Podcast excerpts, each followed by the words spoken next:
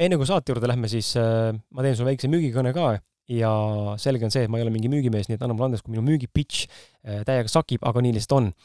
küsin sult esimese asjana kohe seda, kas sa oled varem mõelnud, kuidas oleks võimalik õppida erinevate edukate inimeste elukogemustest? Äh, kui jah, siis raamat Kontaktis endaga sedasama asja sul tegelikult teha aitabki. eelmisel aastal, eelmise aasta lõpus ilmus meil Million Mindset kirjastusega koos raamat Kontaktis endaga. niimoodi kõlas see raamatulehtede lappamine. See on mul praegu siin käes, hea raamat. ja see raamat Äh, sisaldab siis neljakümne kuue erilise inimese lugu, mis aitavad sinul saavutada eneseteadlikkust, õppida end paremini tundma, saada vabaks oma piiravatest uskumustest ning elada seejuures kergemat elu, mis tegelikult ongi meie, meie kõigi eesmärk, vähemalt minu oma. raamatus leiad vastused küsimustele nagu näiteks, kuidas olla autentsem, kuidas mõtlevad edukad inimesed, kuidas leida oma tee ja kirg, kuidas toimib ideaalne paarisuhe, kuidas saada lahti kompleksidest ja alaväärtustundest, kuidas vabaneda hirmust ja hukkamõistust, kuidas kuulata oma intuitsiooni ehk sisetunnet ja veel palju-palju teisi küsimusi, millele sa vastused saad, need kõik lihtsalt ei mahu praegu siia väiksesse reklaamiklippi. ja lisaks nendele küsimustele või nendele vastustele, mis sa saad nendele küsimustele, lisaks sellele kõigile muule, saad sa veel teada raamatust siis neljakümne kuue erineva eh, podcasti ausad mehed külalise nõuandeid, taipamisi ja soovitusi, kuidas saavutada endaga paremat kontakti, samuti kolmkümmend spetsiaalset raamatu jaoks kirjutatud väärtust andvat täiendavat lühilugu, samuti ausad mehed podcasti kirjaliku saadete kokkuvõtted, mis on koostatud minu enda poolt tegelikult ja ma olen välja noppinud isiklikult kõik need head mõtted nendest kõikidest mõtetest ühe saate kohta, nii et kui sa neid saateid kuulad, siis ma olen üsna kindel ja veendunud, et need mõtted sulle ka meeldivad, mis raamatusse pandud on. lisaks saad sa minu isiklikke mõtteväljendusi lugeda, ja samuti saad sa palju uusi teadmisi, praktilisi harjutusi, inspiratsiooni ja motivatsiooni sellest raamatust. ta on mõnus, mõnus käsikiri eh,, käsikiri jah, mõnus eh, käsiraamat, millega lattake endale või teistele vastu tatti anda verbaalselt ja kindlasti sealt motivatsioon sulle tuleb. raamat Kontaktis endaga eh,, ausad vestlused elus ja pildis, esimene osa kirjeldab esimest sadat maha peetud ausat, autentset ja värskendavalt toorest vestlust. kui sa soovid seda raamatut endale saada, siis ole ja mine külasta kriskala.com või miljon.ee lehekülge, minnes nende e-poodi ning endale see raamat sealt ka saad siis endale tellida. tellides selle kriskala.com kaudu on raamat tulemas ka autogrammiga või pühendusega. raamatu hinnaks on seitseteist, seitseteist üheksakümmend viis eurot ja sellega on äh, meie reklaam läbi. aitäh sulle ilusat kuulamist!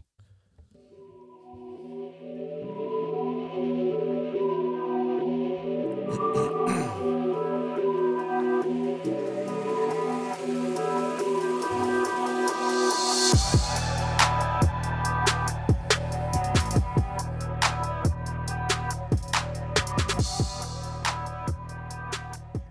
nii, halloo, tere tulemast tagasi, ähm, selles mõttes tagasi, et tegemist on ausad mehed podcasti seeria, podcasti sarja äh, või siis seeria podcast'iga, kus siis on külas Vallo Arumäe, kellega eelmine episood sai meil salvestatud äh, ka juba, see on nüüd siis selle episoodi või selle seeria podcast'i teine osa ja kolm, tulemas on ka kolmas osa. Äh, nii et ole hea, mine vaata siis järgi ükskõik missugusest endale meelepärasemast podcast'i platvormist, sisse kirjutades otsingusse siis Vallo Arumäe, ausad mehed, siis küll tuleb sul üles üks saade, mis on hashtag sada kolmkümmend üheksa ja ka siis äh, eelmine saade, mis äh, sai salvestatud ja see saab olema, ilmselt on ta vist hashtag sada üheksakümmend kaks number, kui ma praegu õigesti mäletan. Äh, nii et ole hea, mine kuula järgi, kui sul veel kuulamata on. Ja meie siin stuudios jätkame nende teemadega, et eelmises saates siis sai räägitud üldisemalt mõtteviisist, sõnavarast, unistustest ja finantseesmärkidest. Ja siis seekordne saade, teine episood siis keskendub rahalise sõltumatuse järgmistele sammudele, milleks on siis rahavarude loomine, investeerimisega alustamine ja ühtlasi siis liikumine nii-öelda siis sellest viieetapilisest rahalise sõltumatuse teekonnast, mille siis Starfish Academy on meile andnud, on siis turvalisus ja paindlikkus ja esimene keskendus siis ellujäämisele justkui. Ja enne kui lähme saate juurde, siis ma tuletan meelde, et äh, meil on tulemas kohe-kohe-kohe väga huvitav asi, milleks on webinari sari, tasuta täiesti, kus ka Vallo on üks osalejatest, nii et äh, Valloga episood, äh, webinari sari tasuta siis tund-poolist vestlust on meil viisteist aprill kell seitse õhtul. nii et kui sa ennast veel kirja ei ole pannud, siis ole hea,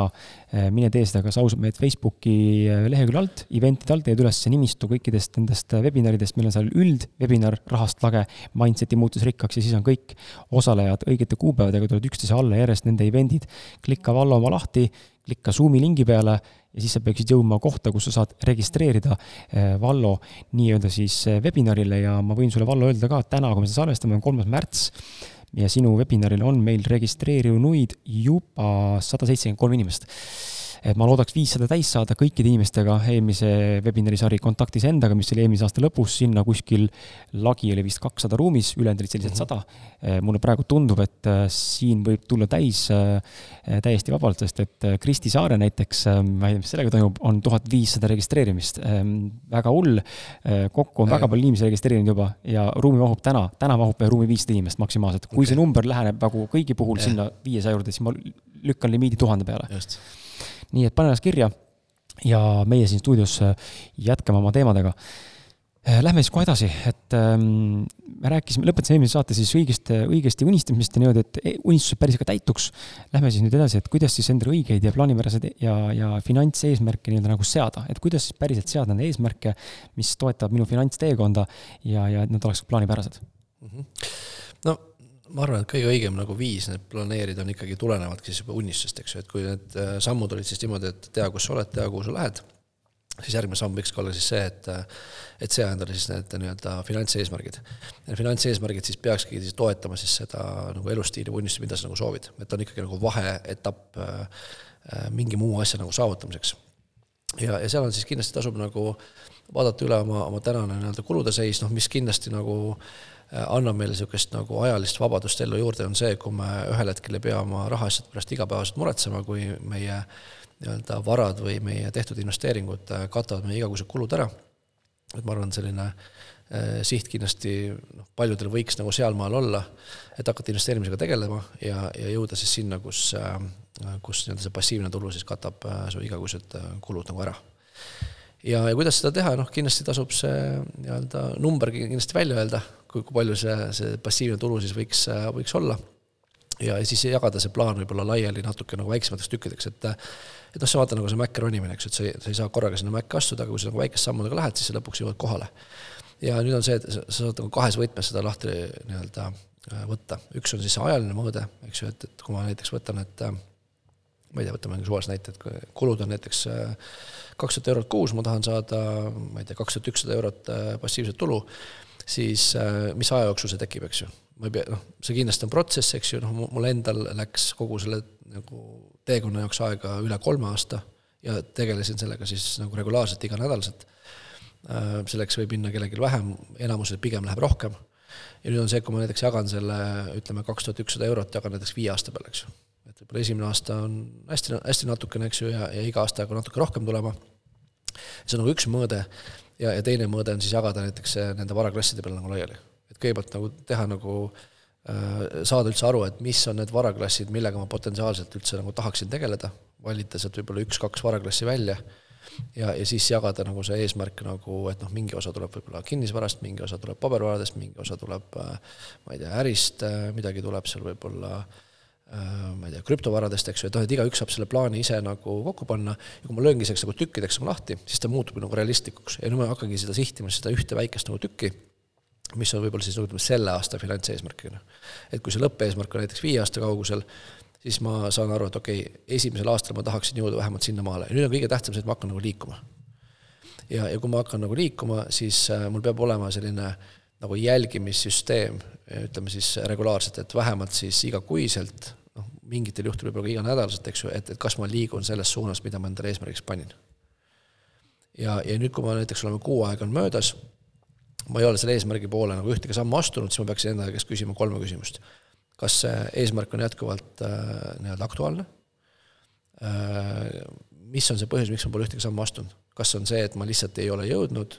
või see ei ole enam piisavalt nagu oluline minu jaoks? Nüüd, kui põhjus on see, et see ei ole piisavalt oluline, noh, võib-olla mingid asjad teekonnal muutuvad, noh siis ma jätan selle kõrvale, võtan midagi muud asemele, aga pigem on see, et ma võib-olla ei ole nagu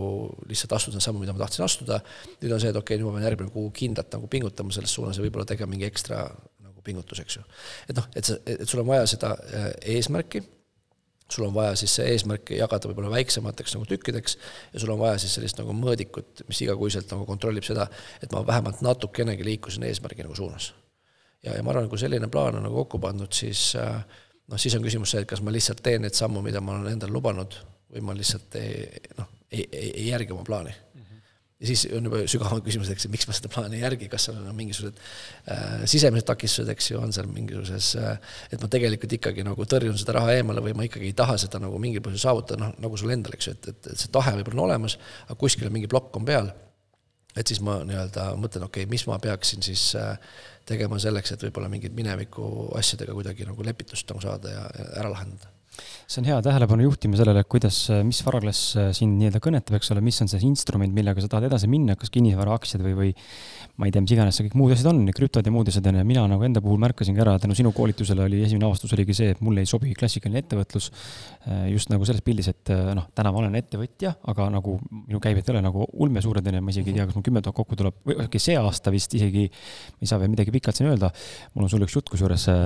saate lõpus, aga, aga võimalik, et ma see aasta lõpus muutun käibemaksukohustuseks, on ju, järsku plahvatuslikult. Äh, aga, aga lihtsalt äh, täna veel ei ole ja ma mõistsingi, et ma ei ole nagu see klassikaline ettevõtja, kes ehitab enda mingit impeeriumi üles, vaid pigem ma olen see laisk inimene, kes tahab hästi palju delegeerida ja leida endale võimalikult palju nii-öelda siis äh, noh, ütleme siis sõpru või kolleege või kaas-, koostööpartnereid, kes teevad võimalikult palju ära, ma olen pigem see ideede generaator, mul on hästi palju mõtteid, aga teostuslik pool, mitte et mul ei oleks teostuslikku oskust või nagu tahtmist, aga lihtsalt mingid asjad lihtsalt ei koti mind ja ma ei taha neid teha. ma lihtsalt võib-olla juhiks nagu tähelepanu, et, et see, ähm, see, mis sa tegelikult kirjeldad, on, on, on vägagi ettevõtja, et võib-olla seesama, et, et jällegi kõik hakkab nagu nendest piiratud uskumustest ja nendest mõtetest, mis me ise endale ütleme. et, et ma, ma igaks juhuks Äh, su asemel küsiks endalt ikkagi üle, et kas ma ikkagi tõesti arvan seda, et ma ei ole ettevõtja, sest tegelikult see, mis sa kirjeldad. ei, okei okay,, ma olen selles mõttes jah, aga see on, jah, räägi lõpuni, sul on teine parem arusaam. just, et mõte ongi nagu see, et, et sa tegelikult oled ju ettevõtja, sa oled võib-olla mingis väga spetsiifilises nagu rollis, sa ei ole see, kes tahab igapäevaseid asju teha, sa oledki võib-olla see visionäär, sa võib-olla suudadki nagu selle meeskonna nagu tööle panna, sa oledki niisuguses nagu passiivses nagu rollis, aga sa ikkagi oled ettevõtja, eks ju et, äh, et, et selles mõttes sageli needsamad sõnad, mis me endale ütleme, võivad olla takistuseks, kui sa nagu pidevalt nagu ütled seda, et okei okay,, see ei ole nagu minu teema, siis see on jällegi see alateadlikult, sa tegelikult nagu justkui hoiad ennast nagu eemale mm. -hmm. nüüd samal ajal öeldes, eks ju, nüüd kui me räägime sellest teekonnast, eks ju, kuidas siis sellise jõukuse ja vabaduse poole liikuda, noh, klassikaliselt ongi kaks teed, eks ju, üks on siis nagu läbi ettevõtluse, teine läbi investeerimise ja kõik ei pea saama ettevõtjaks, sa võid olla ka nagu, lähed seda investeerimise teed, eks ju. ja noh, ideaalne muidugi see, kui sa teed nagu mõlemat, sest noh, ettevõte mingis mõttes nagu võimendab seda kapitali kasvatamist. Ja, ja kui sul see ettevõte toob piisavalt palju kapitali juurde, siis seda raha investeerides sul on lihtsalt nagu rohkem võimalusi edasi liikuda aga, aga noh, samas on see, et igaüks peab ise nagu tunnetama ja, ja kõigist ei saa ettevõtjat, on ju, kõigist ei saa nagu suurettevõtjat, mõned lihtsalt äh, piisabki sellest, et sul juriidiline keha olemas, sa saad nagu nii-öelda toimetada läbi selle, teha mingeid nagu väikseid tegevusi ja ka läbi siis selle oma ettevõtte nagu lihtsalt investeerida mm. -hmm. Nii et noh, ma arvan, et see võib olla vabalt ka nagu see põhifookus, mis, mis sul endal on. Absoluutselt. Ja ma tahtsin seda ka öelda, et tänu Marko Oolole, kes meil käis saates siin, kellega me oleme ka päris pikalt äh, vestelnud ja, ja kuna mul on tavaks siin saadetes mm, korra suunan ka tähelepanu sinna, mis saate number oli, et kui sul on huvi, ma alati kedagi mainin, siis ma suunan ka saate juurde, Marko Oolo saade on meil numbriga sada kaheksakümmend neli. et äh, temaga rääkisime ka sellest, et tema, teda, tema saate ärakuulamise hetkel, kui sinu, sinu koolituse käis, ma veel oli väike nagu lootus, et okei okay,, et see investeerimisteekond, klassikaline investeerimise aktsiatesse ja nendesse võlakirjadesse ja muudesse asjadesse on nagu sihuke, et tuleb ette võtta, tuleb lihtsalt pihta hakata. kõik need Bondored ja kõik see aegne liikumine, on ju. siis Marko episoodi kodus naisega järgi kuulates ja konspekteerides ma sain aru, et kurat, see ei ole see, mis mind põnevile ajab, et nagu ma saan aru sellest, et see on üks tänane üks, siiamaani üks viisidest olnud, aga neid viise on täna veel tekkinud nagu nii palju juurde. ja täna ma näengi enda puhul, mind huvitab nagu krüpto pigem rohkem, et see ei ole see. just, e-, eks see, eks see läheb nüüd jälle tagasi sellesse esimesse osasse, kus me rääkisime sellest, et, et mis on sõnade tähendus ja, ja sageli no ütleme, investeerimise all enamus inimesed mõistavad äh, aktsiatesse investeerimist -hmm. ja see tegelikult ei ole üldse niimoodi. meil on just äh, värskelt sai valmis äh, selline online kursus nimega Kapitalikiirend, kus me räägime siis nagu kuuest erinevast varaklassist, räägime sellest, mis on need valikud enda varaklasside sees ja tegelikult valikuid on väga-väga palju aga kuna, kuna nii-öelda enamus juhtude investeerimise all räägitakse nagu aktsiatesse, isegi mitte investeerimisest, vaid aktsiatega kauplemisest et see on nagu hea näide sellest, kui, kui kaugel me tegelikult oleme nagu sellest sõnavarast, sellest nagu tegelikust maailmast, on ju. et, et, et ütleme, varaklassid on siis ütleme, klassikalised äri, kinnisvara, pabervarad, eks ju, pabervarad üks kuuest varaklassist, on ju. siis on äh, krüptovarad, siis on äh, maa, ütleme siis toorained mm, -hmm. maavarad ja, ja siis intellektuaalne omand, eks ju et sul tegelikult nagu kuus nagu valikut. aga nüüd on ka see, kui sa arvad et investeerimine on see, et ma ostan aktsiaid ja müün kallilt maha, see on nagu väga piiratud, sa näed ainult võib-olla mingit murdosa protsenti sellest, mis on tegelikult võimalik. ja, ja ma arvan, et see, see roll, mis meil täna nagu Starfishil on, on ka see, et et näidata seda, näidata seda teekonda, näidata seda nii-öelda, neid valikuid, mis üldse nagu on. ja, ja nüüd, kui sa saad nagu valikutest aru, siis, siis sa võib-olla teedki nagu targemaid ja teadlikumaid otsuseid ja hakkad siis selles varaklassis juba konkreetsemalt nagu sügavalt edasi õppima ma panen selle kapitalikiirenduse koolitusele sul, jah? ja see on online kursus. et äh, ma panen selle lingi ja. siia saadete alla ja Facebooki vastava saate postitusse ka, et kui sul on huvi, siis saad osaleda, kui on, kui on soovi ehm,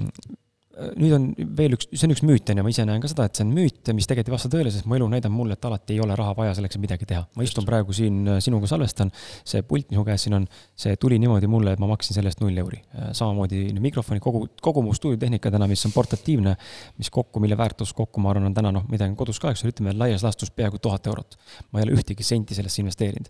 Äh, ja ma ei ütle, et nüüd peaks nagu elu elama niimoodi, et sa ootad, keegi sul midagi ostab ja kingib, on ju, see ei ole nagu see mentaliteet, aga lihtsalt ole nagu avatud, et alati ei ole raha vaja selleks, et midagi saavutada. ja, ja ma tahangi jõuda nagu selleni, et see müüt, äh, küsimus on see, kas, kas on raha vaja selleks, et raha juurde teha või teinekord võimalik ka võõra raha laenuga või mõnel muul viisil enda tegemisi tegema hakata? Eh, ei ole vaja raha selleks, et teha raha, ma arvan, et see on, see on üks, äh, üks, üks õppetund ka meie ühel koolitusel, kus me räägimegi sellest, et sul ei ole vaja raha selleks, et raha teha. sul on vaja teistsugust mõtteviisi ja teistsugust suhtumist, et see läheb natuke sellesse hinna ja väärtuse nagu teemasse, eks ju, et kui sa saad aru sellest, et mis on nagu see väärtus, siis me tegelikult saame väärtust vahetada ja üksteisele kasulikud olla ilma selleta, et raha liiguks. Ehk siis noh, kui sul on midagi, ma ei tea, kasulikku, eks ju, ja mul on midagi kasulikku, noh, me ei pea, me ei pea panema selle hinnalipikut külge et sina ostaksid selle minut ja mina ostaks selle sinult. ütleme seda, et kuule, Kris, sa aitasid mind, ma aitan sind ja ongi kõik. ja nüüd on see, et kui sa saad aru seda, et, et sa saad tegelikult nagu väärtust vahetada, ilma seda nagu rahasse konverteerimata, siis see nagu avab nagu täiesti uue maailma. Ja, ja sageli ongi see takistus, et okei okay,, et ma tahaks küll investeerida, aga ma ei saa, sest mul ei ole piisavalt palju raha. et noh, kui sa küsid ka müütide kohta, ma arvan, see on kindlasti üks ka müütidest, on see, et sul on alati vaja raha, et raha äh,, raha teha. nüüd loomulikult on see, et see, see alati aitab, ta teeb nagu lihtsamaks, aga, aga teatud juhtudel, kui sa ikkagi nagu äh, Äh, saad ka sellest väärtuse mõttest nagu paremini aru ja sa hakkad otsima võimalusi, ehk siis noh, näide võiks olla see, et et, et lihtsam viis on alati raha maksta. Ja mulle hästi meeldis kunagi ühel äh, Robert äh, Kiyosaki koolitusel, kui ta ütles niisuguse lause, et ainult laisad inimesed kasutavad oma raha. Ma olin tõesti nagu mõte, ehk siis kui ma olen nagu laisk, siis esimene asi, mis ma teen, on see, võtan raha taskust välja, siis maksan selle. Nüüd, kui ma olen nagu loov ja, ja üritan nagu kastist nagu välja mõelda, ma saan aru nagu väärtusi, siis ma mõtlen seda, okei okay,, et mis võiks Krisile kasulik olla. kuidas ma saaksin sulle seda anda, mida sa tegelikult nagu tahad ja kuidas ma saaksin vastu seda, mida mina tahan. nüüd alati ei pruugi nagu kahe inimese vahel see juhtuda, eks, et seesama see, noh, see partneri tehing võib-olla kõige suurem nagu takistus oligi see, et noh, ma ei tea, sul on äh,, sul on nagu piim ja mul on nagu munad, eks ju, aga noh, sa munasid ei taha et, et, et me ei saa omavahel vahetada, kui me, kui meil oleks nagu suurem kogukond, siis keegi kindlasti mune tahaks ja me saaksime need asjad nagu ära vahetada. ehk siis, kui ma nii-öelda olen nagu laisk, siis ma lihtsalt mõtlen, okei okay,, palju see teenus maksab. nüüd, kui ma olen nagu loov, siis ma mõtlen seda, et okei okay,, et kas meil on võimalik, kas mul on võimalik midagi talle anda, mida tema tahab ja me saame omavahel lihtsalt kokkuleppele. et, et noh, see on nagu lihtsalt üks näide, kuidas on võimalik nagu raha teha ja, ja noh, samamoodi äh, on võimalik mingeid asju endale nii-öelda vahetada, me oleme teinud niisuguseid vahetustehingute äh, üritusi ka nagu äh, Äh, mõned korrad ja see on niisugune hea viis tegelikult nagu saada niisugust nagu turu tagasisidet, et mida siis inimesed äh, tegelikult nagu vajavad, eks ju. et me oleme teinud äh, oma selle rahatarkuse koolituse käigus niisuguse nagu vahetustehingute osa, kus inimesed võtavad mingisuguse füüsilise asja nagu kaasa. ma ei tea, keegi võtab mingi hõbemündi, keegi võtab mingi raamatu, eks ju ja nüüd on see, et, et see on võib-olla mingi raamat, mis on seisnud nagu ma ei tea, kümme aastat riiulis ja seda oled mitu korda läbi lugenud, sa enam seda elu sees ei loe. nüüd sa võtad selle kaasa, nüüd kellelgi on selle, sellel raamatul nagu väga suur väärtus. ja nüüd samal ajal tal on näiteks mingisugune, ma ei tea, mis see võiks olla, mingisugune jalgratas, mis seisab nurgas. ja sul on just jalgratast vaja. nüüd sina annad talle raamatu, annad su jalgratta vastu, te olete mõlemad rahul. mitte ühtegi senti raha pole liikunud et see on, ongi see, et, et, et aga mul on vaja seda tagasisidesüsteemi, et, et sa saaksid aru, mis see tajutav väärtus nagu teistel inimestel on. mäletan seda, kui ma esimest korda tegin seda, kui ma, äh, kui me olime just seal äh, nii-öelda Kesaki tiimis ja olime neid asju õppimas, siis ma mõtlesin, et okei okay,, et, et, kasutaks seda nagu selles mõttes, et küsida, kas turg võiks tahta seda, mida mul on anda, et lihtsalt nagu proovida, kas sellel on väärtust. ja siis ma mäletan seda, ma pakkusin seal, see on niisugune nagu tahvel, eks ju, sa pakud oma selle asja nagu välja, on see ese või on see mingisugune teenus või, või mingisugune asi. ja siis ma panin välja, et, et äh, ma olen valmis äh, tulema üheks tunniks lõunale ja rääkima siis seda, mida ma olen sealt äh, USA-s nendelt rahatarkuse koolitustel õppinud ja kuidas ma neid asju nagu ellu viinud. ja siis, kui ma nägin seda, et, et ruumis oli nagu väga suur nagu huvi selle vastu, inimesed tahtsid hakata asju selle vastu vahetama, siis ma sain aru, et okei okay,, mul on midagi unikaalset, mida võib-olla teistel ei ole ja sellel on kellegi jaoks nagu väärtus. ja see võib-olla andis ka selle, nagu selle nagu kindluse või selle tunde, et okei okay,, ma, pean seda teekonda nagu edasi minema, eks ju, ja ma pean hakkama inimesi tegelikult sel teekonnal aitama, sest mul on midagi unikaalset, mida ma olen oma ellu viinud, mis on mind aidanud ja väga isekas oleks jätta see enda teada ja nüüd, kui ma hakkan seda nagu laiemalt nagu pakkuma, siis ma tean, et sellel on juba väärtus olemas. et see on selline hea nagu tagasisidesüsteem, äh, kuidas siis kontrollida seda, et, äh, et mida nagu tahetakse. See on äh, väga huvitav tähelepanek ja ma täitsa nõus ja, ja see ma panin endale kirja ka, et väärtuse pakkumise kontseptsioonist parim aru saada, läbi töötada, ma pean seda järele kuulates siis äh, ilmselt päevikusse konspekteerima hakkama, sest et see nagu paneb mõtlema jah, selle peale, et et äh, paneb nagu otsima mingil määral, avardama sind, mõtlema selle peale, mis on need asjad, mille pealt mina saan täna midagi pakkuda, mida kellelgi teisel võib reaalselt vaja minna, et nagu noh. see, see, see väljakutse, et sa mitte kunagi ei tea mm. -hmm et nüüd on see, et kas, kas mul on, kas ma esiteks üldse hakkan küsima seda, kas ma hakkan üldse nagu otsima seda vastust, ütleme, mingitel juhtudel seda ei olegi mm. -hmm. ja see on okei okay.. ja siis ma lähengi seda teed, ma lihtsalt nagu äh, võtan äh, ja maksan nagu arve ära ja me arveldame omavahel nagu rahas, eks ju. aga ma alati otsin võimalust, kuidas me saame kõigepealt väärtust vahetada ja siis alles maksta raha mm. -hmm me esimeses saates natuke puudutasime ka laenu just nimelt läbi selle, et, ähm, et äh, laen ei pea halb olema ja mu küsimus ongi siis, mis asi on halb ja mis asi on hea laen ja miks on meil see müüt ka selle ümber, et laen on justkui halb? no ütleme, sageli ikkagi nagu laenu all mõeldaksegi mingisugust äh, laenu, mis on võetud äh, kohustuse soetamiseks, noh, on see siis mingisugune tarbimislaen, mhm. autoliising on ju, kodulaen, ja noh, tegelikult ongi kõik need asjad, mis lõpuks viivad ju nagu raha välja. ja, ja, ja kui nüüd äh, ma ei tea, sissetulekuga peaks midagi juhtuma, noh siis see, see võlakoorem ongi justkui nagu selline halb asi, mis, mis on vaja ka veel lisaks maksta nüüd, mis minu enda nagu mõtteviisi oluliselt muutis, oli see, kui ma sain aru sellest, et okei okay,, halb võlg on siis see võlg, mida mina pean maksma. aga on olemas ka hea võlg ja hea võlg on siis see, mida keegi teine maksab. ja nüüd, kui ma suudan siis äh, nii-öelda jällegi loovalt äh,, inglise keeles niisugune äge väljend nagu creative financing mm -hmm. ehk siis nagu loov finantseerimine, ütleme üldse nagu loov mõtlemine, eks ju, et, et kõige lihtsam on mitte midagi mõelda, lihtsalt teha nii, nagu kõik teevad, eks ju raskem ülesanne on see, et proovida nagu kassist välja mõelda, proovida nagu innovaatselt läheneda ja mingitel juhtudel see isegi õnnestub, on ju. Enda tee nagu kõndida sisse nii-öelda, on ju. jah, just. ja, ja nüüd ongi siis see, et kui ma saan aru, et hea võlg on see, mida keegi teine maksab, siis esimene küsimus on see, et okei okay,, kui mul on täna, täidan ära oma isikliku finantsaruande, ma näen seda, et mul on seal mingi halb võlg olemas. nüüd noh, üks esimesi samme äh, oma nii-öelda finantstuleviku paremaks muutmisel peaks olema sellest halvast võlast vabanemine nüüd sellest, selleks äh, vabanemiseks on kaks teed, üks on see, et ma selle halva võla lihtsalt maksan nagu tagasi, või teine tee on see, et ma muudan selle halva võla heaks võlaks. ja, ja kindlasti peaks sellele halvale võlale olema alati mingisugune plaan, sest see on, noh, sageli ongi see sangpomm, mis on jala küljes, ja, ja, ja kui me läheme nagu selle võib-olla ühiskonna äh, eeskujuga kaasa, siis me juht-, mis juhtub, ongi see, et, et me, me lähmegi tööle, eks me saame palga, meil on sissetulek kasvab, me võtame endale kodulaenu, võtame endale autoliisingu ja me seome ennast nagu sellise võlakoormasse ära ja nüüd, kui sissetulekuga midagi juhtub, siis me oleme nii-öelda omadega hädas. ja, ja, ja nüüd ongi see, et, et kui tuleb mingi väliskeskkonnas ootamatu muutus, nagu praegu siin äh, maailma tervise ja, ja majanduskriis on, eks ju, siis sageli me avastame ühel hetkel, et täitsa lõpp, ma olen äh, täitsa käpuli maas, sest ma kaotasin oma töökoha, mida ma ei uskunud, et ma kunagi kaotan ja nüüd mul veel see võlakoorem ka kaelas. ehk siis noh, igal juhul äh, selle nagu halva võla nagu likvideerimine või üldse mitte selle nagu tekitamine peaks olema nagu esimene eesmärk, et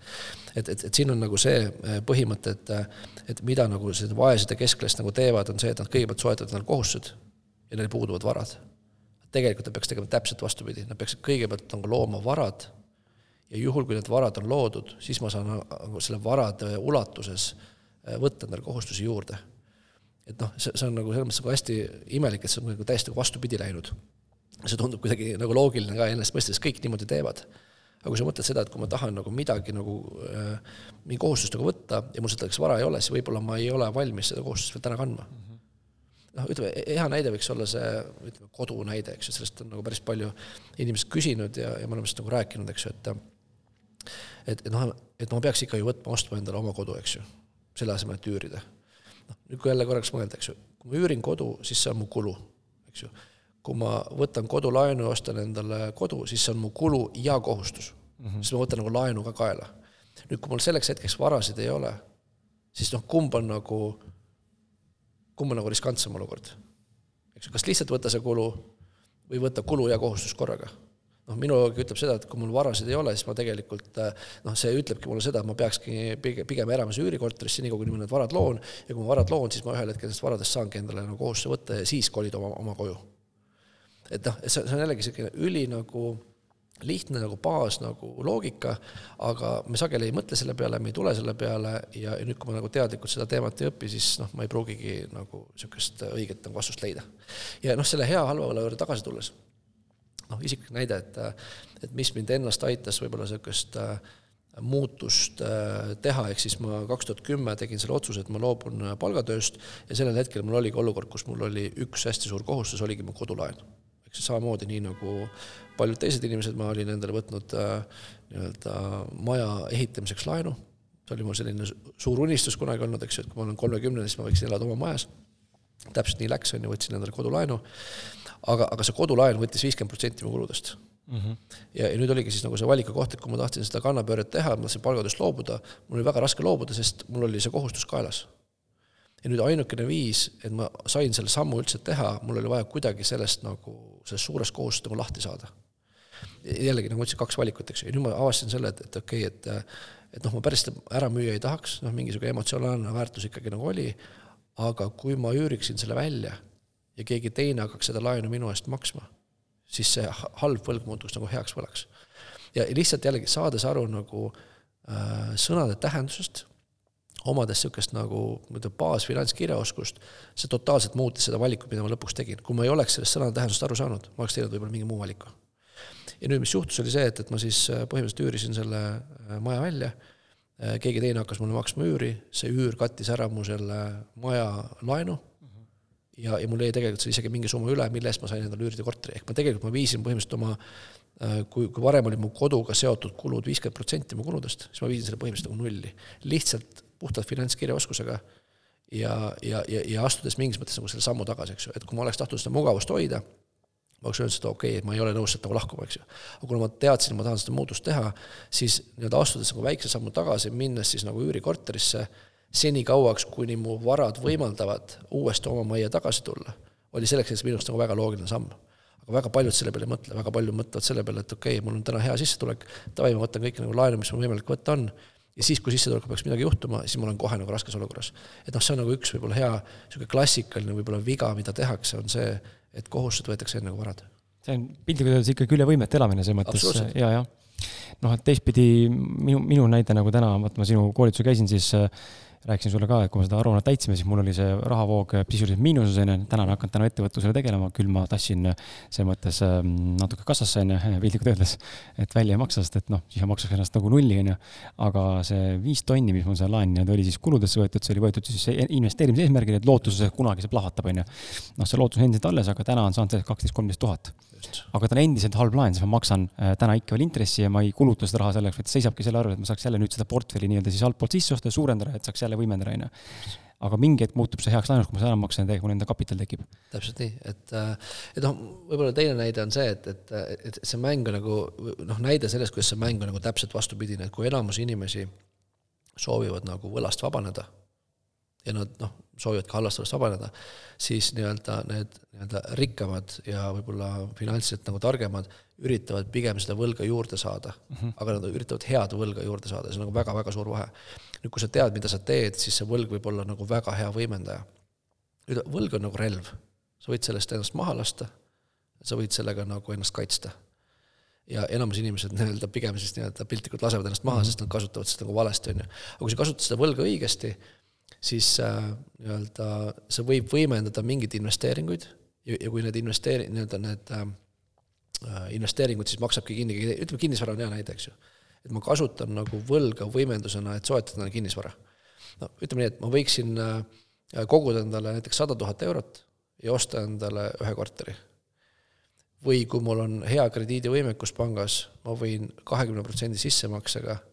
osta endale viis korterit kakskümmend protsenti panen ise, kaheksakümmend protsenti paneb pank, sellesama kahekümne tuhandega, mis mul on, ma saan osta viis korterit. nüüd loomulikult siin on nagu, see on väga utreeritud näide, eks ju, et see eeldab ka seda, et sul on nagu väga hea nii-öelda krediiditaust ja pank usaldab sind ja sul on kõik need finantsid korras. aga põhimõte jääb samaks? põhimõte jääb samaks, on ju. ja nüüd ongi see, et, kui sa saad aru sellest, et, et kui ma kasutan järjest suuremat äh, võlamäära, siis tegelikult selle minu raha tootlikkus läheb paremaks saad aru, kui ma saja tuhande pealt teenin nagu ühe tulu või ma teenin kahekümne tuhande pealt sedasama tulu, siis see on viis korda parem tootlikkus. ehk siis mida rikkad teevad, ongi see, et nad kasutavadki seda võlga pigem nagu enda või, kasuks. Enda võimenduseks, enda mm -hmm. kasuks. ja, ja pigem käib mäng selle üle, et kes on saanud rohkem võlga. ma mäletan seda, kui ma käisin USA-s koolitusel, meil oli siis selline Rich Dad'i niisugune sisering oli, eks ju, kus oli siis mingisugune viiskümmend inimest üle maailma, niisugune väikene grupp, kus siis needsamad äh, Robert Kiyosaki, tema need advisor'id, eks ju, siis jagasid oma finantsaruannet. ja, ja näitasid siis, noh, mitte küll absoluutnumbrites, aga protsentides, on ju ja, ja, ja siis, kui nad omavahel neid asju tutvustasid, siis kogu mäng käis selle peale, et täitsa lõpp, et Ken McElroy läheb kõige paremini, kuna tal on kõige rohkem võlga, tal on mingi viiskümmend miljonit võlga, on ju. et see on no, täiesti nagu vastupidine mäng, on ju et, et mitte see, et kuidas võlast nagu lahti saada, vaid kuidas saada head võlga maksimaalselt palju juurde, et seda nagu kasutada, aga jällegi see, et sa pead seda targalt tegema, nüüd jällegi see, et, et kui sa ei tea, mida sa teed, siis ka see hea võlg võib sulle nagu kurjalt kätte maksta. aga kui sa seda nagu mõistlikult nagu teed ja, ja, ja, ja ei võimenda ennast nagu üle, siis tegelikult see võib olla nagu väga kasulik asi, mida nagu enda kasuks tööle panna igaks juhuks tasub vist äh, veel tuletada siin disclaimer, disclaimer enne paar punkti tagasi, mis sa ütlesid ka, et äh, selleks, et võtta nagu laenu või võlga, sul peab olema ka nagu äh, juba eelnevalt või noh, üldse mingi vara, mis siis nagu suudab seda asja nagu korvata kulu nii-öelda mõttes, et kui sul on viiskümmend miljonit laenu, siis noh, see ei ole see eesmärk, kogun viiskümmend miljonit laenu, nüüd on perse, vaid vastupidi, sa pead, sa pead suutma siis nagu seda ohjata nii-öelda, on ju. just, et sul peab olema ikkagi selles mõttes niisugune varupuhver, on ju, et mm -hmm. sul need piltlikud üürnikud maksavad sulle ikkagi nagu katavad selle võla kindlalt ära ja sul on ka see varupuhver, eks ju, kui näiteks majandusega midagi juhtub, on ju. et mul ei ole niimoodi, et ma, ma, ma, ma laenan nagu pangast ennast nagu tilgatumaks, eks ju, ma võtan nagu nii palju, kui antakse, et kui ma näiteks, ma ei tea, võiksin, võiksin minna näiteks mingisuguse äh, ütleme, krediidi tausta järgi kümneprotsendise omafinantseeringuga, no siis ma pigem lähen võib-olla ikkagi kolmekümnega, eks ju, et ma, ma, ma ei, ma ei võta nagu seda maksimumi välja, ma jätan ka selle puhvri, et kui turg, turg muutub, väliskeskkond muutub, mingi majanduskrahh tuleb et ka selle kinnisvara nagu väärtuse kukkudes ikkagi see laen jääb sellise mõistlikkuse nagu piiridesse mm. -hmm. aga selle näite kohaselt, kui sul on sada tonni, oletame, sa võtad äh, viis korda, äh, viie, viis korda korteri jaoks laenu, on ju, sissemakse on kakskümmend tonni, nii piltlikult öeldes, on ju, viis korda kakskümmend tuhat, on ju, siis laen on sul nelisada tuhat piltlikult öeldes panga poolt. kõikide korteritega kokku. viis korda kaheksakümmend, jah. Mhm, okei. Ehm, nüüd tuleme uue küsimuse juurde, mis puudutab laenu, et millal on siis mõistlik ja millal on kindlasti vajalik ja millal tuleks kindlasti hoiduda hea laenu või halva laenu võtmisest? Vaata, sa mulle ütlesid ka, et kui tahad oma asja, noh, see on sinu see näide, vaata, kui tahad pikendada midagi või nagu sa tead, sul on eesmärk, on ju, siis sa võtad selle hea laenu ja sa pikendad, ostad endale aega juurde, et mis su mõtted on, mis oskad soovitada, millal võtta, millal mitte võtta? Ehm, no ütleme, halva võlaga on nagu lihtne, eks ju, seda peaks igal juhul nagu vältima ja kui kellelgi on see nagu tekkinud äh, ajalooliselt, et siis peaks äh, tegema kindlasti plaani, et, et kui me räägime nendest erinevatest äh,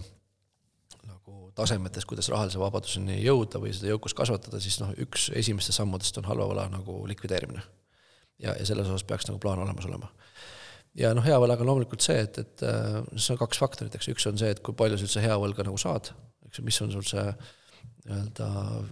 bilanss ja finantsid, eks ju, pangas ilmselt, kas pank üldse annaks sulle seda nagu raha. ja teine on siis see, et kuidas seda nagu, nagu mõistlikult siis nagu kasutada, et, et ma noh, ei, ei võimenda ennast ka nagu üle. et äh, noh, selle kohta ongi selline magamise printsiip või magamise põhimõte, mis hästi nagu töötab, on see, et kui ma nagu äh, õhtul magama minnes ei saa nagu rahulikult magama jääda, siis järelikult ma olen ennast üle võimendanud. et siis peaks järelikult nagu laenu, laenu nagu väiksemaks võtma, et äh, et jah, et selles mõttes ta ongi, selles mõttes äh, sõltub, kuidas seda kasutada ja seda kindlasti tasub alati nagu mõistlikult kasutada, sest ta on ikkagi nagu, nagu ma ütlesin, nagu, nagu relv, eks ju, et sa ei, ei taha sellega nagu liiga palju mängida. tuleme investeerimise juurde siia laenu najalt edasi, et millest peaks üks uudishimulik ja algaja investor alustama, kui ta tahab hakata investeerima? Vahet pole, missugusesse varaklassi, kas ta peaks hakkama vaatama ja tunnetama, mis on tema jaoks varaklassina nagu sobilik või siis vastupidi lugema, et aru saada ilma, ilma prakti-, ilma praktiseerimata, läbi põlemata, või vastupidi, peaks läbi põlema ka mingi kogemuse saama või äh, on mõistlik siis äkki vaadata hoopis oma omadusi? ma läheks võib-olla isegi sammu tagasi, et, et mis on, ütleme, üldse nagu need vajalikud äh, eeldused, et hakata nagu investeerima, et esimene eeldus on see, et sul on olemas äh, üldse mingid rahavarud et sul on olemas selline nagu rahaline puhver oma nii-öelda ettenägematuks olukordadeks eks kui me hakkame sealt tasemete minema, eks meil on esimene tase on siis ellujäämine, kus on siis see, et äh, inimesed elavad palgapäevast palgapäevani, rahavarusid on piltlikult üks-kaks kuud, kui midagi palgaga juhtub, siis on kohe jama. Nüüd järgmine tase on turvalisuse tase, mul on ütleme, kaks kuni viis kuud on nagu rahavarusid ja, ja kui ma rahavarusid juba teadlikult olen tekitanud, siis ma tõenäoliselt olen eraldanud ka võib-olla mingi väikse seemne nagu investeerimiseks tulevikus, eks mul on vaja hakata investeerimiskapitali kõigepealt koguma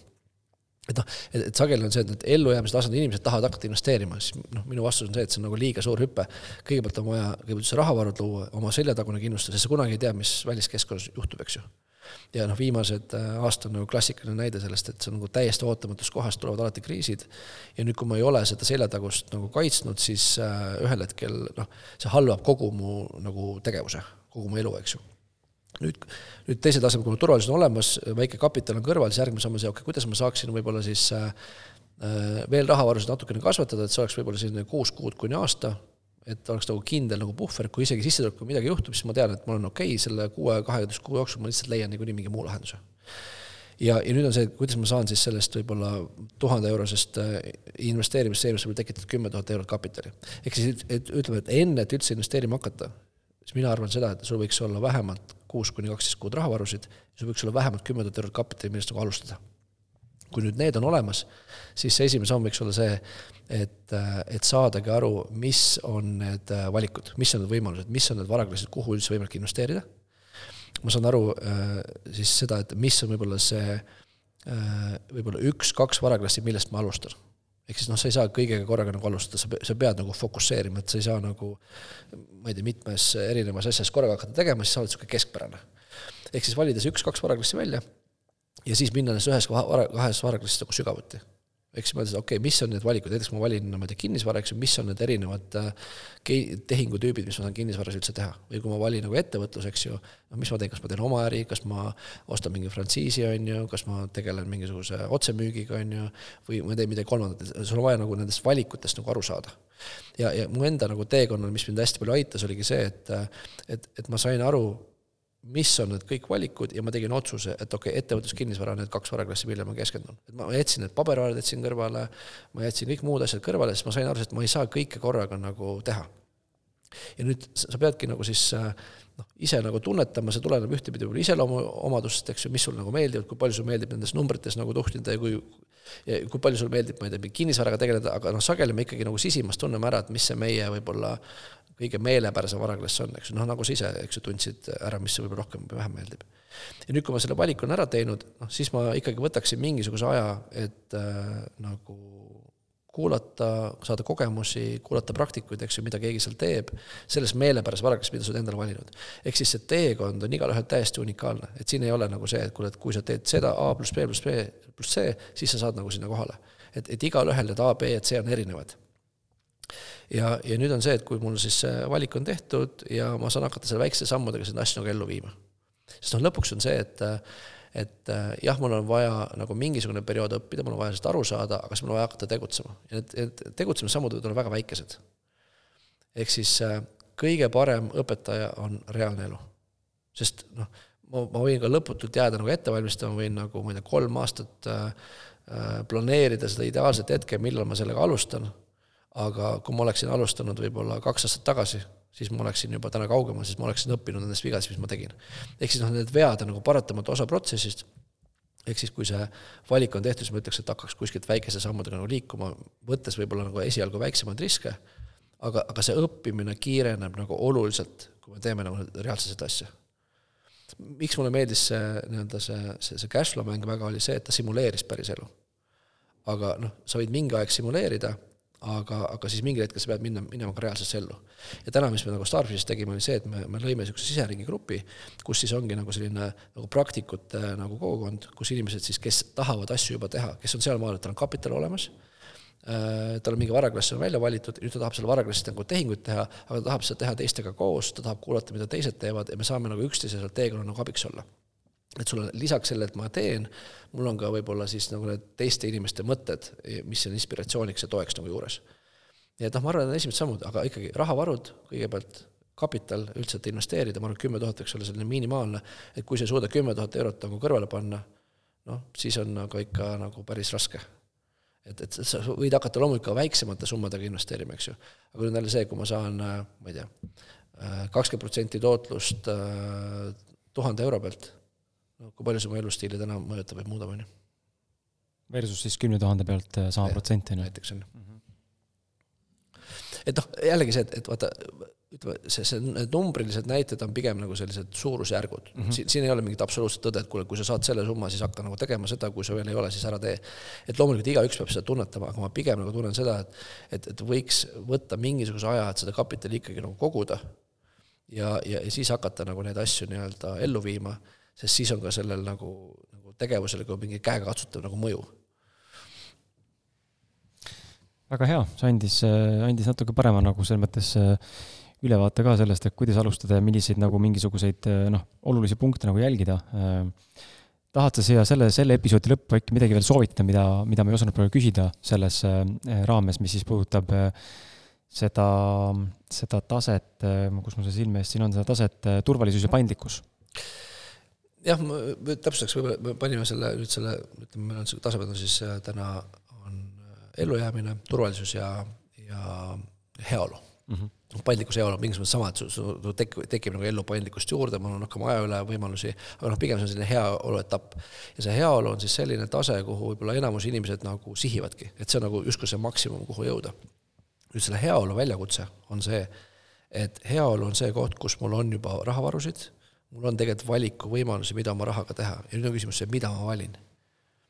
sest see, see libe tee, mis selle heaoluga tekib, on see, et ma võin valida ka mugavuse. ja nüüd mugavus on täpselt vastassuunaline liikumine sellega, mis viib vabaduseni. ja nüüd on see, et kui ma sellel hetkel, kus mul need äh, äh, väike nagu reserv on tekkinud, ma kulutan selle ära näiteks ma ei tea, kallima auto ostmiseks, parema kodu ostmiseks, äh, võtan mingisuguse unistusse reisi, mida olen ammu soovinud võtta mitte küll praegult, aga võib-olla siis ma ei tea, mingi tulevikus on ju. et siis, siis see viib sind tegelikult automaatselt kaugemale sellest, mis viib vabaduseni, ehk siis kui sa sedasama raha, mida sa võib-olla sellel hetkel oma mugavuse kasvatamiseks teed, paneksid pigem nagu investeerimiseks, kasvataksid oma varad selliseks, mis katavad su kulud ära ja siis hakkad mugavust kasvatama, siis see oleks nagu palju loogilisem hetk seda teha. aga sageli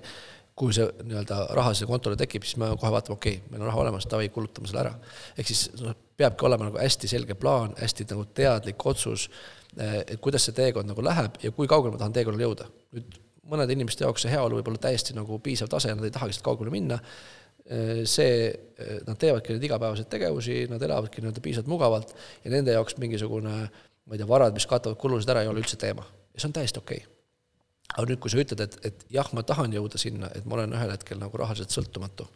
või ma olen nagu täiesti rahaliselt vaba, et ma saan kõiki valikuid oma elus teha nii, nagu ma ise soovin, siis see mugavuse tee viib mind sellest kaugemale. ja nüüd on see, kas mul on seda tarkust, et sellel hetkel nagu stopata ja öelda seda, et okei okay,, pigem ma peaksin pigem säilitama selle raha selleks, et hakata investeerima, võib-olla on vaja midagi õppida või midagi katsetada ja hakata pigem seda minema ja lükkan siis selle mugavuse nagu tulevikku edasi arusaadav, äh, väga hea, äh, võtame siit selle saate kokku ja, ja egas midagi, nagu sul, nagu ikka, kui sulle see saade meeldis, siis äh, jaga seda mõne sõbraga või sõbrannaga, ema-isaga, kellel seda vaja oleks, kes tahab kuulda, kuula kindlasti järgi eelmised saated, hashtag sada kolmkümmend üheksa, hashtag sada üheksakümmend kaks. Ja tule kuula ka järgmist saadet, mis on äkki juba väljas. Selleks ajaks, kui sa kuulad ja kui väljas ei ole veel, siis on ta ilmumas meil kõikide eelduste kohaselt kakskümmend, ei, sorry, viisteist märts esmaspäevasel päeval, nii et jaa äh,, aitäh sulle ja, ja, ja kohtume uues äh, selles podcast'i seeria episoodis